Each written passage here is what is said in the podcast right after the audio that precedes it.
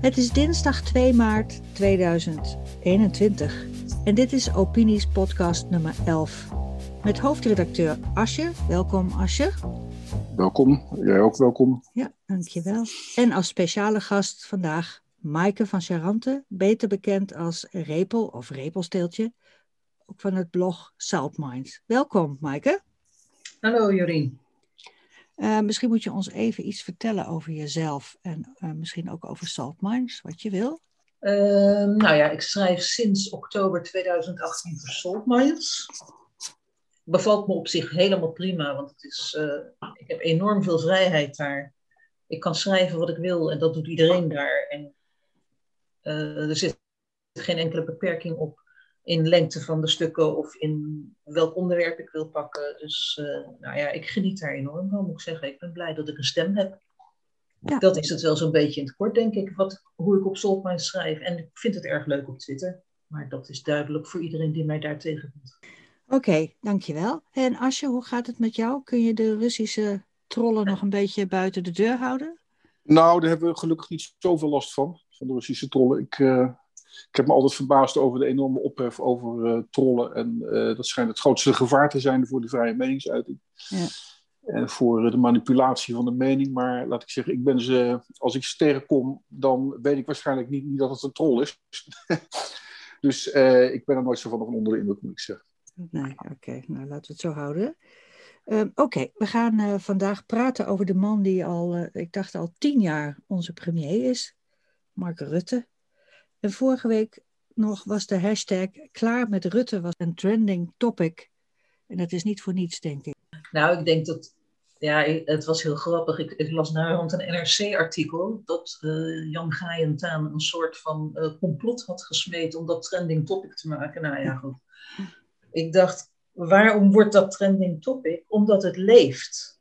Omdat zoveel mensen gewoon echt helemaal klaar zijn met Rutte. Maar ja, op Twitter heb je natuurlijk meer bewuste, politiek bewuste burgers. Dus daar leeft het veel meer. Ik denk in de rest van de samenleving moeten we vooral niet onderschatten hoe populair die man nog is. Ja, uh, wat voor premier is uh, Rutte eigenlijk? Ja, een verkoper, vind ik. Ik vind hem echt een verkoper.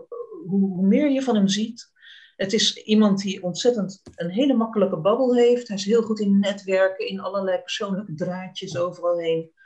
Maar in wezen is hij zo ontzettend inhoudsloos. Hij heeft gewoon, hij heeft allerlei belangen. Maar hij is niet een democraat met een visie. Dat is hij gewoon niet. En hij heeft, ja, hij zei laatst in het debat dat hij zielsveel van Nederland houdt. Nou, hm. dat vind ik niet blijken uit zijn daden. Ja, hij zegt zelf altijd, of hij heeft altijd gezegd, en dat zegt hij tot op de dag van vandaag, dat hij eigenlijk geen visie heeft. Ja. Dat uh, vind ik heel opmerkelijk voor een, uh, ja, voor een staatsman en een leider van de regering. Ja. Dan denk ik altijd van, ja, we worden dus iemand, door iemand geleid die geen visie heeft. Uh, nou, als je geen visie hebt, dan is het dus doormodderen en improviseren. En manipuleren. En dat zie je bij Rutte dus ook, dat hij in staat is om ja, elke situatie, elke crisis waarin hij komt, weer in zijn voordeel uit te, uit te nutten. En hoe hij het doet, weet ik niet. Maar uh, hij komt overal mee weg, zo ongeveer. Zelfs met de val van het kabinet komt hij weg.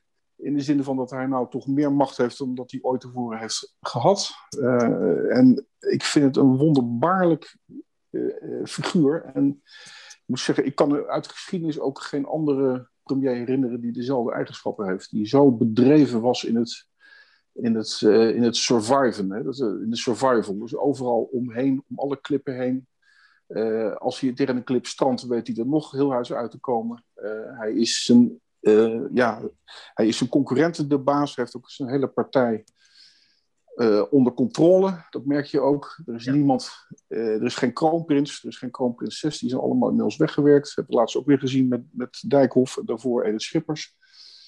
Uh, ja, het is, een, het, is, het is een almachtige premier die haast, uh, moet ik zeggen, monarchale trekken heeft. Ja, is het niet de staatsman waar uh, andere mensen dat zo graag over hebben? De, de, staatsman die dus niet zelf een visie heeft, maar heel goed de boel bij elkaar weet te houden. En een goede procesmanager is, die een crisis kan, hand, kan managen. Ja, een staatsman in mijn visie heeft toch, mijn visie, uh, heeft een visie. uh, staatsman zonder visie vind ik een, een, behendige, een behendige modderaar. En inderdaad, dan word je mhm. een soort proces- en, en, en crisismanager, uh, die dus moddert van het ene probleem naar het volgende en zich overal uit weet te draaien. dat is de situatie waarmee wij al tien jaar te maken hebben. En een beetje meer inhoud en een beetje meer visie en een beetje meer uh, van waar gaan we met z'n allen naartoe in Nederland en wat voor maatschappij wil ik. Dat zou wel welkom zijn, want dat mis ik enorm bij, uh, Rutte. Ik denk ook dat het voor hem niet zoveel uitmaakt met, met wie hij regeert. Of hij nou over links of over rechts of in het midden. Heeft hij ook wel eens gezegd zelf dat het hem niet zoveel uitmaakt. Hij weet overal wel weer een draai aan te geven.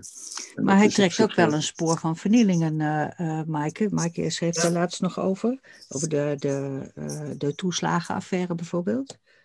Ja, ik, ik vind dat hij echt ontzettend veel kapot maakt in dit land. Kijk, hij, ik geloof inderdaad dat hij niet echt een visie heeft. Hij is in, ik vind hem dus ook geen staatsman. Hij is voor mijn gevoel een, een soort gameverslaafde, maar dan verslaafd aan het politieke spelletje. Oh, dat zeg je mooi. Ja, ja en daarin uh, heeft hij ook ja, voor mijn gevoel heel weinig moraal. Dus als voor hem iets handig uitkomt en mensen lijden daar enorm onder, dan is dat in wezen bijzaak. Als hij betrokkenheid toont, dan, dan ja, voor mijn gevoel speelt hij dat.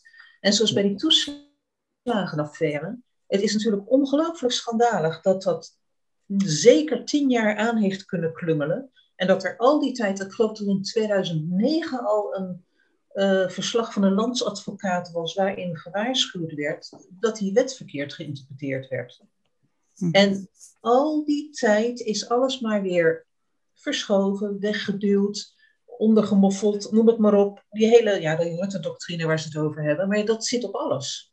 Hij luistert niet naar die signalen, want de groep die in de knel zat, was voor hem niet van belang. En bij alles, alles draait bij hem om belangen. En om wat macht is en hoe die er moet komen. En hij jong leert daarmee. En die behendigheid, daar oogst die bewondering voor. Want in de politieke klasse en in de media is dat soort behendigheid een soort onderscheidingsteken. Maar het is, er zit geen integriteit in. Hmm. En daar, daarin gaat zoveel kapot. Met die participatiewet, met de toeslagenaffaire, met, nou ja, noem het allemaal maar op. Zoveel mensen die hopeloos in de knel komen ja, hij speelt politieke spel, is hij enorm bedreven in. Dat, dat merk je ook elke keer weer.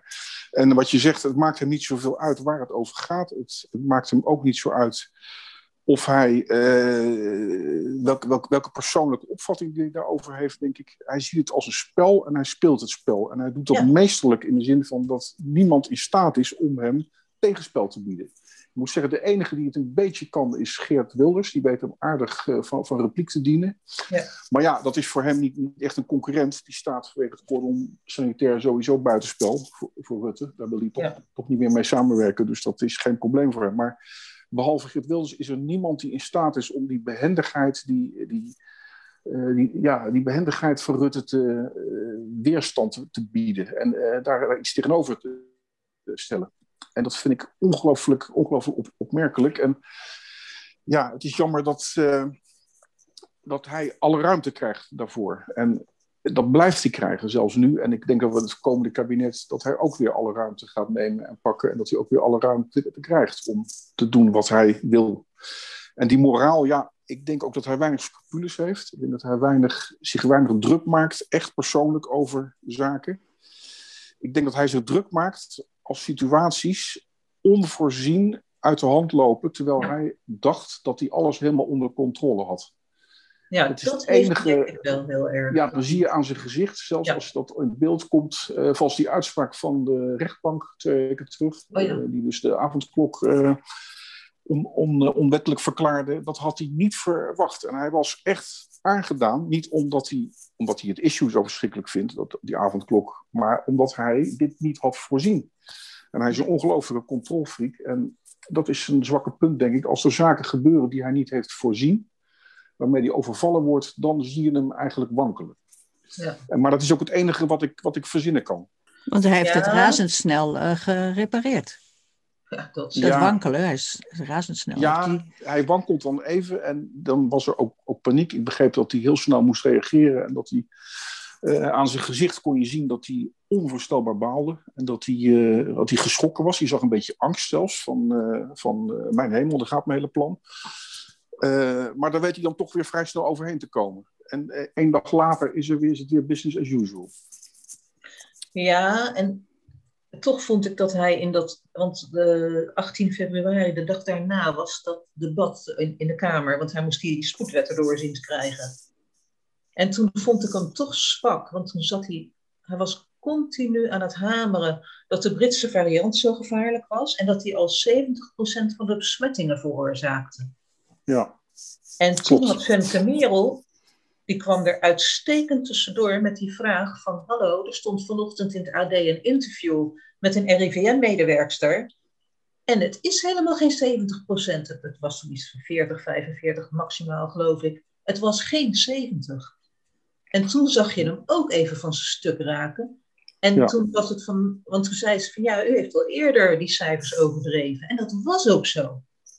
En dan denk ik, waar je hem wel mee kunt confronteren, is met gewoon simpelweg een feit, de waarheid, en hem dan niet weg laten komen.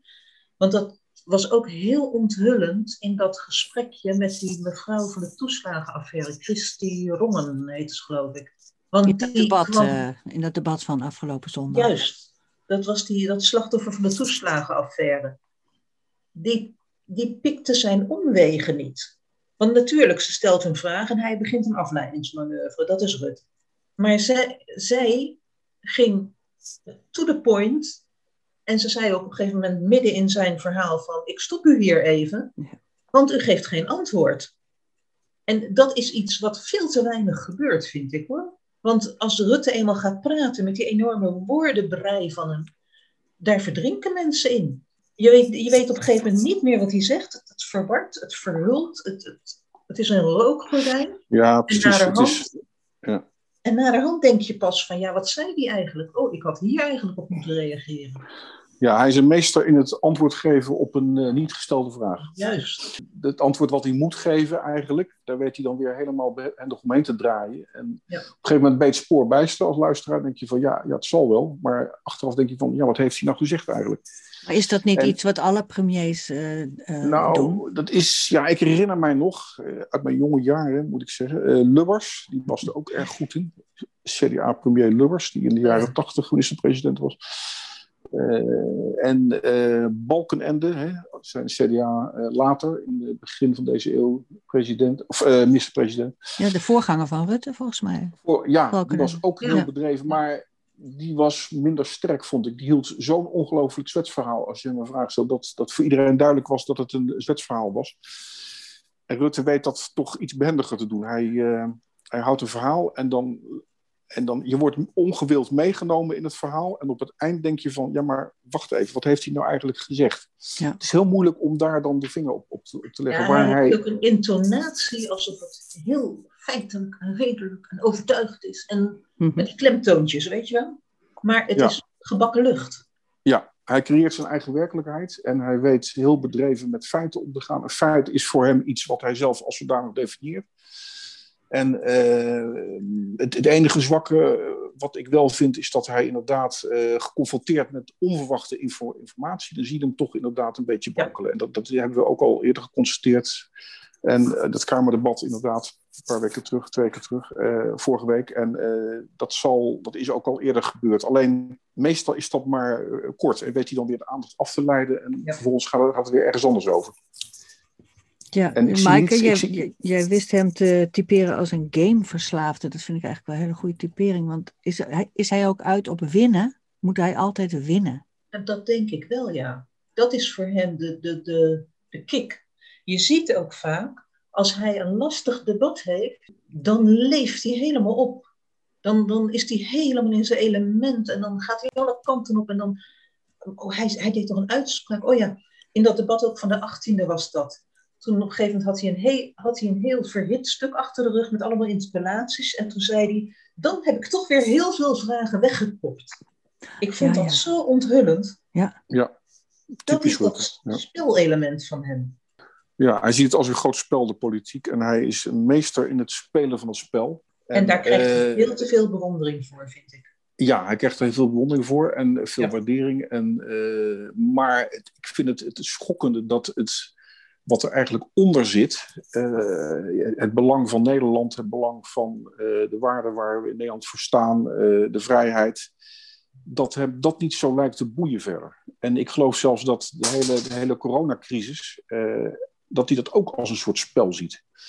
Ik, ik heb echt twijfels over of hij zich nou echt wel druk maakt over bijvoorbeeld de, de, staat van de economie waar we nou in verkeren. Wat ik heel opmerkelijk vind voor een VVD'er trouwens. Dat ja. De horeca staat op omvallen, de middenstand staat op omvallen, uh, de culturele sector staat op omvallen. Nou, noem maar op, wat staat er niet op omvallen? En ik hoor daar Rutte zo weinig over. De VVD, de Partij van de Ondernemers, de Partij van de, de Bedrijvigheid, die dat gewoon laat zitten. En hij komt er nog haast mee weg ook. Dat vind ik het meest ongelooflijke. Gelukkig de laatste maanden wat, wat meer oppositie daartegen. Maar het bedrijfsleven houdt zich zo ontzettend koest.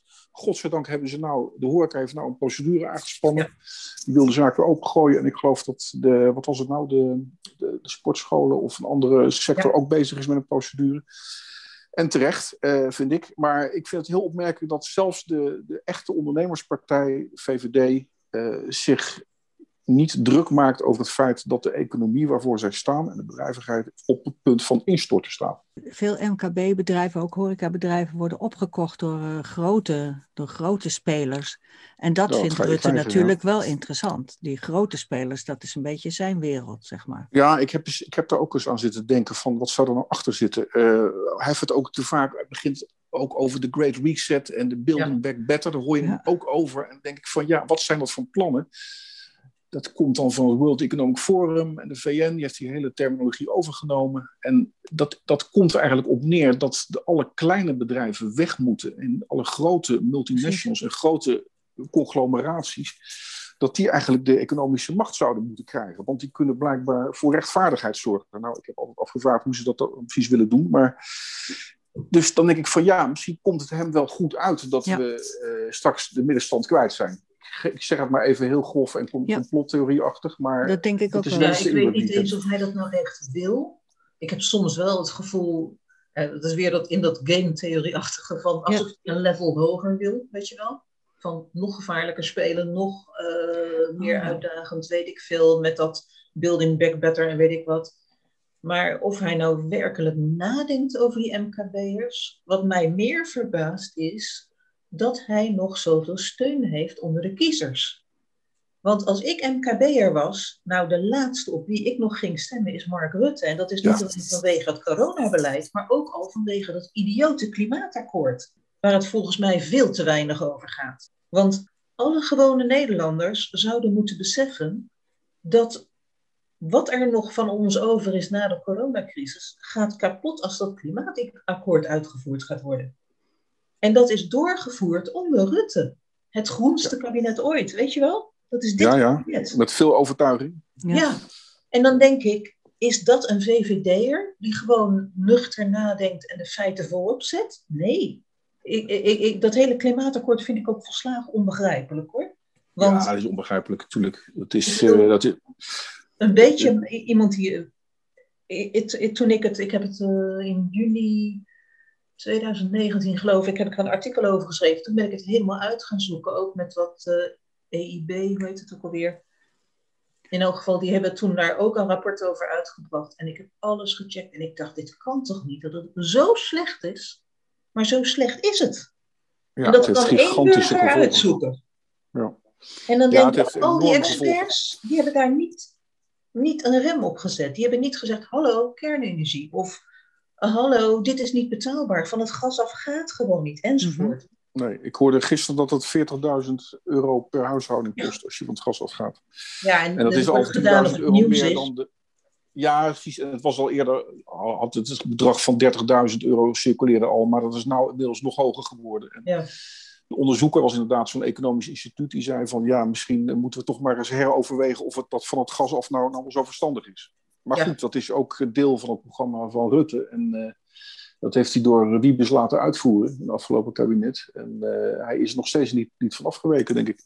Ja, ook al die miljarden subsidies aan het biomassa verbranden, die gaan gewoon door. Ja, het loopt door. het is alsof er een soort... mocht het niet eens gaan.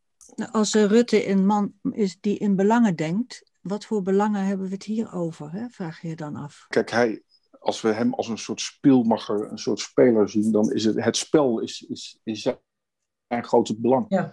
Hij wil het oh, spel spelen. Het spel zelf. ja. ja. en uh, de wind waait in de wereld een beetje naar allerlei klimaatplannen en klimaatakkoorden en klimaatdeals.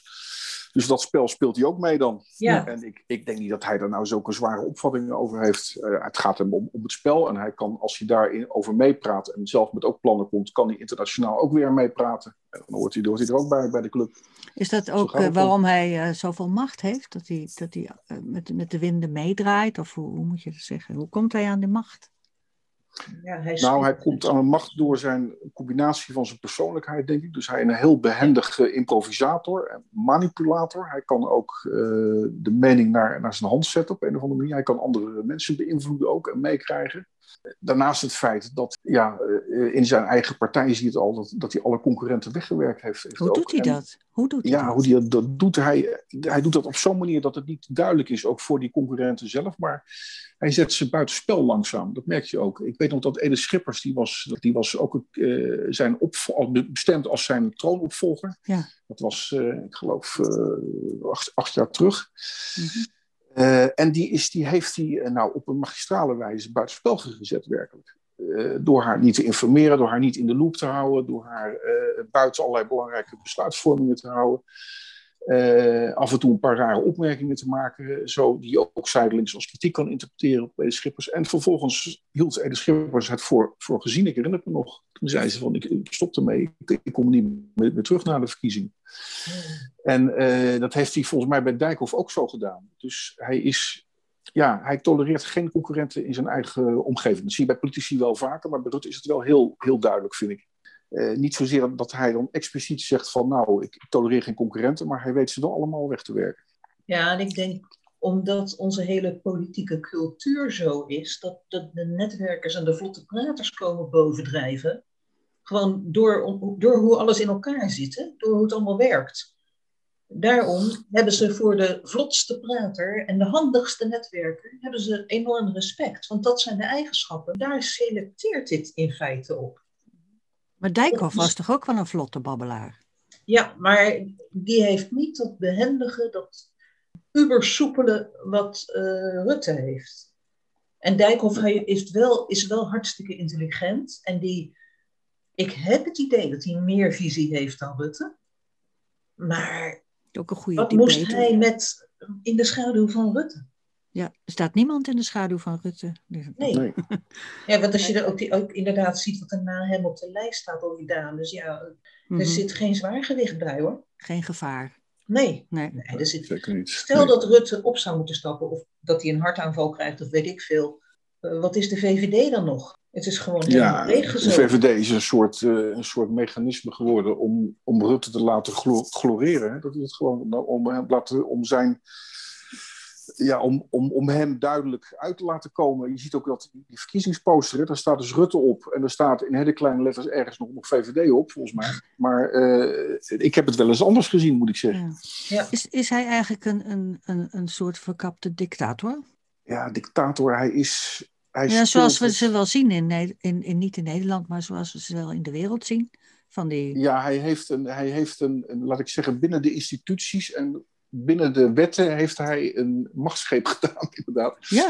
Het is niet zozeer dat Met hij alle de, de macht... eigenschappen die erbij horen ook. De concurrentie ja, hij heeft uitschakelen. Niet, hij heeft niet uh, met, met, met geweld de macht veroverd, maar hij heeft wel zo'n machtspositie verworven dat je zou kunnen zeggen, wie is nog in staat om hem te onttronen? Ik zie het ja, niet precies. gebeuren. Ja. Meerdere facetten aan, want hij heeft dus inderdaad in zijn partij de macht gegrepen, mensen weggewerkt. Mm -hmm. Maar hij houdt ook de macht vast door op alle fronten transparantie te saboteren. Ik bedoel, het is niet alleen dat de Kamer niet geïnformeerd wordt. Nou, er is een hoop gedoe over geweest, een motie ook aangenomen vorig jaar over het informatierecht van de Kamer. Hij schuift mm -hmm. het gewoon op de lange baan. Hij saboteert de WOP, al die zwartgelakte stukken. Hij heeft alle terreinen doofpotten. Zodat in die hele Rutte-doctrine van praat niet over inhoud, want dan, of, of leg het niet vast, want dan kunnen ze het wobben. Nou, Ja. daarmee heeft hij zulke rookgordijnen dat wat hij fout doet ontzettend moeilijk te achterhalen is. En daar komt dan bij dus dat hij inderdaad een enorme manipulator is. Ik bedoel, eh, volgens mij heeft hij al twee keer de verkiezingen enorm succesvol gemanipuleerd. En probeert hij dat nu weer door alles, alle ballen op corona te houden. Zodat daar de aandacht heen gaat en niet naar alles wat hij aangericht heeft. En het, het allerbelangrijkste is denk ik nog wel dat hij iets gecreëerd heeft van als ik het niet doe, wie moet het dan doen? En er Ja. zijn zoveel mensen die dat geloven. Ja, ja, die staatsmangelovigen, zeg maar. Het lijkt wel Ja. een Stockholm-syndroom. Van nou, laten we Ja. maar Rutte stemmen, want wie moet het anders doen? Hij gebruikt de coronacrisis als een soort eh, middel, als een soort machtsmiddel ook. Hè? Hij, Ja. hij, heeft, hij stelt zich op als de grote crisismanager nou. En eh, hij weet de discussie ook elke keer weer op de coronacrisis terug te brengen als het ergens anders over dreigt te gaan. Dat het nou niet de tijd is daarvoor en dat we nou geen politiek moeten bedrijven. We hebben een crisis te bestrijden. Weet je, Geen verhalen weer. doen. Mhm. Terwijl hij de grootste Oh ja. politiek bedrijver is, eh, die kent ze ongeveer. Maar Ja. dat schijnt dan een vloek te zijn, daar mag je dan niet meer over praten. En eh, dat geeft hem ook een unieke machtspositie. Nou, dat hij toch ook door velen in, in Nederland als, eh, ja, als, als redder des vaderlands gezien Ja. wordt. Hè? Zo Ja. van, hij is de grote, we moeten hem steunen en hij doet het toch goed. En eh, hij, hij, hij, hij, hij- hij- je zal er toch maar staan, je zal toch maar voor die taak staan. Weet je? Dan krijgt hij daar Dat, dat, voor. je zal er toch maar voor staan. Ja. Ja, precies. Dat hoor je dan ook. Hè? Dat zeggen mensen Ja. dan ook. En eh, dat is een beetje een vertekening van de werkelijkheid. Want hij creëert dat beeld zelf. En hij, eh, door Heel zijn knap behendigheid trapt iedereen erin. zo ongeveer. Ja, hij is, hij is demissionair, hè? je zou het haast vergeten. Ja, je zou het haast vergeten. Ja, maar steeds- daar zei hij ook over. Ik heb nu nog meer macht. Ja, precies, daar heeft hij gelijk in. Ja. Heeft ja, hij dat gelijk? was geen verstandige opmerking van hem. Nee, nee. Nee, maar het dat was wel waar. Ja, ja. Ja. Ja, en nu, ook, nu kan hij ook natuurlijk eh, met veel. eh, kijk, de VVD staat nog steeds heel hoog in de peiling, nog steeds verreweg de grootste partij. Dat, Ja. dat, dat kalft ietsje af, maar eh, dat gaat wel weer gestuurd worden, denk ik. Ik denk dat de VVD toch een flinke. Heeft hij nog een truc in de trucendoosje? Nou, ik denk dat hij. ehm, de 15e is, geloof ik, de beslissing of de avondklok nog verlengd zal worden of, of niet dan, hè, de 15 maart. Als de Hmm. verkiezingen, dat is de dag van de eerste, eerste verkiezingsdag, geloof Ja. ik. Hè, dat gaat over drie dagen. Ik denk dat wat, wat we wel eens zouden kunnen zien, is dat, hij, eh, dat er toch een versoepeling van die avondklok wordt aangekondigd dan. En dat is dan weer, dan kan hij weer scoren natuurlijk. Dan kan hij vlak voor de verkiezingen heeft hij dan iets, iets weer vrijgegeven. En heeft hij gezegd van, nou jongens, kijk eens, Nederland, we hebben toch eh, weer, weer een versoepeling. En dat, dat levert dan ook weer stemmen op. Zo eenvoudig is het. En dat Ja, gaat ik heb echt de ernstige verdenkingen die die hele avondklok heeft ingevoerd. Omdat het hele jaar gebleken is dat hoe benauwder de situatie is met die coronamaatregelen, hoe meer steun hij krijgt. Dat heeft, hij, eh, dat heeft hij goed gepland. En goed in de zin van, dat heeft hij zorgvuldig gepland. Ja, en ik denk dat hij daarom ook er zo ontzettend voor gevochten heeft. Want hij heeft moeten vechten om, de, om hem erdoor te krijgen. Want Mhm. oorspronkelijk had hij geen steun. En toen de rechter dat, het hele gebeuren van tafel veegde, nou, ik heb Rutte zelden zo in actie gezien, zeg. Nou, dat, dat Ja. vroeg ik me ook af. Waarom was hij zo van slag toen dat gebeurde? Want eh, dat gaat toch niet over corona, dat gaat er over zijn positie. Klopt. Dat, volgens mij wil hij wil die, die avondklok erin houden. Het is onderdeel van zijn plan. Ja, dat denk ik hoor. Misschien wel nee, heel achterdochtig, Ik maar... eh, ook, ja. ja. Hij, moet, hij, hij is gebaat bij het in stand houden van een soort crisis en een soort angst in de bevolking.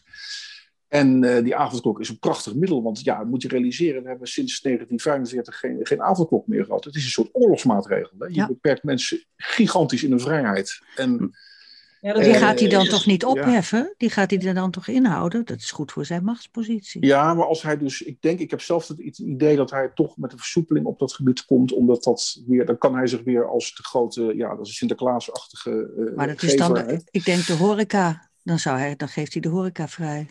Maar niet die avondklok. Ja, ik weet het niet, maar we zullen het zien. Ik, ik ben geen Ja. eh, profeet, maar ik denk Nee. dat er wel iets in die richting komt. Dat, Ja. dat hij dan met een versoepeling komt en dat levert ook weer stemmen op. En daar heeft hij ook over nagedacht en dat heeft hij al weken van tevoren ingepland, volgens mij. En eh, eh, gaat Rutte ooit nog weg, denken jullie? Oh, Ja, daar moet je... nou voor, nou voor mij mag hij morgen weg. Ik heb het Ja. wel gezien na, na tien jaar Rutte, moet ik zeggen. Ik heb het wel he- helemaal gehad met hem persoonlijk. Uh, maar ik denk dat hij gewoon, uh, nou ja, hij gaat een kabinet over links formeren. Dat zit, er, dat zit er nu aan te komen. En natuurlijk, ik denk, de PvdA wordt er weer bij gehaald. Ik, denk zelf, ik hoor ook geluiden dat de, de SP kandidaat voor het nieuwe kabinet is. GroenLinks en D66 schijnen minder in de gratie te liggen. Nou, horen wij uit allerlei uh, vertrouwelijke bronnen. Maar ja, mm -hmm. dat kan je, niet, kan je niet, niet hard maken. Maar dat maakt hem ook niet uit. Hij gaat over links regeren en hij zal ervoor zorgen dat dat nog, nog jaren blijft zitten, dat kabinet. Ja, het gaat hem lukken. is de ellende met Rutte. Zodra hij een kabinet heeft, dan zit het gebeiteld. Ik, ik, ik, met Rutte 2, nou, op een gegeven moment dacht ik, het treedt nooit af de ene na de andere bewindspersoon moest aftreden wegens onjuist informeren van de Kamer of allerlei andere schandalen. Mhm. Maar het kabinet bleef zitten. Ja. Als een ja. uh, totaal vastgekleefd. En dat, dat is in wezen nu, ja, ik bedoel, ze zijn afgetreden vanwege de toeslagenaffaire. Maar de datum voor de verkiezingen stond al. Je merkte niks van. Het is een, een, een soort uh, cosmetische ingreep geweest. Ja, nou ja, wat mij wel opvalt is dat bij de NPO en de NOS hoor je altijd, spreken ze nou elke keer over het demissionaire kabinet. Een demissionair minister de Jonge, een demissionair premier. Nou ja. Dat hebben ze afgesproken, denk ik dan. om dan toch maar eventjes aan te geven dat... Uh, dat een knieval uh, gemaakt zou hebben. Ja, precies. en, en, en, en uh, maar ik denk van, eigenlijk is dat, is dat, is dat een soort schijnvertoning. Want ja, ze zijn demissionair. Oké, maar op het gebied van de coronacrisis zijn ze niet demissionair. Nee, nee dat hebben ze alle vrijheid, alle ruimte gekregen. In, in, dat interview met die, uh, met die mevrouw Rongen, die, dat slachtoffer van de toeslagenaffaire tijdens het RTL-debat, dat ze zei, uh, waarom neemt u uw verantwoordelijkheid niet? En hij zei, we zijn afgetreden. Toen zei ja. ze, maar u staat hier nog. Precies, ja. en ik denk, nou, dat, was, dat, recht in de Dat was heel treffend, ja. ja. ja. dat was een hele rake opmerking. Nee, hij, we zitten nog heel lang aan Rutte vast, denk ik. Uh, Kunnen wij er niks aan doen? Uh, nou, op een andere partij stemmen, maar dan zullen er toch heel veel mensen op andere partijen moeten stemmen dan de VVD. En die zal dan ook de grootste moeten worden, die partij. Want zolang de VVD de grootste blijft, is Rutte natuurlijk aan, aan de macht. Dat is natuurlijk, uh, helpt natuurlijk wel heel weinig aan verder.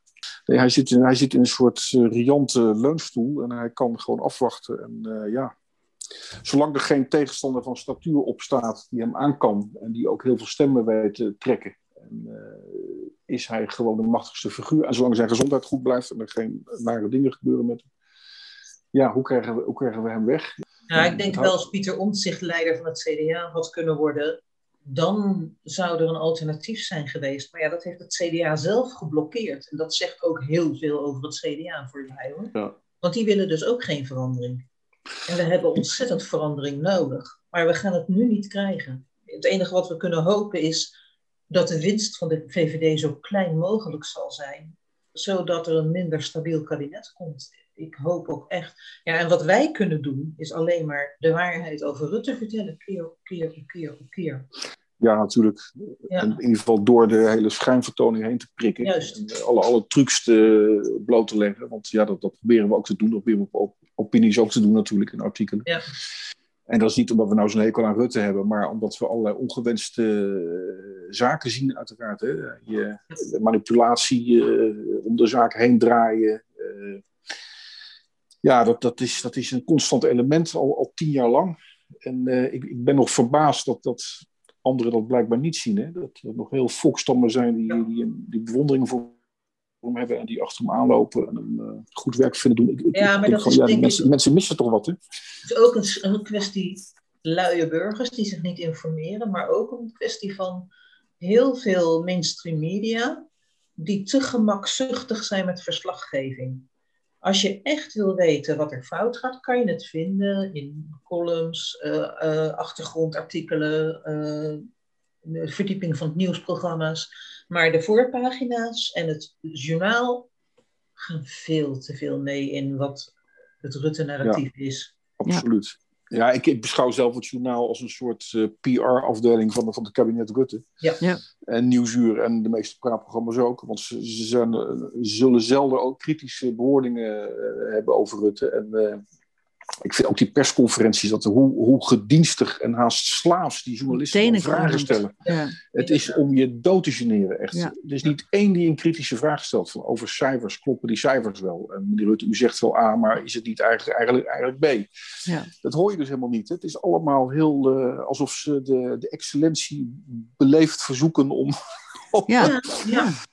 Het is Ja. bizar. De journalisten die zijn niet meer kritisch tegenwoordig. Merendeel tenminste. Ja, anders worden ze niet meer toegelaten tot de, tot de Ja, persconferenties, denk ik. Het is de hele, de hele, coterie. Je moet daar natuurlijk. eh, ja, ze willen geaccepteerd worden en ze willen toegang tot allerlei ministers krijgen, Ja. allerlei politici. En ja, Ja, dan, moet, je, moet je blijkbaar heel braaf zijn en heel vriendelijk. Ja. Niet, niet, niet te kritisch.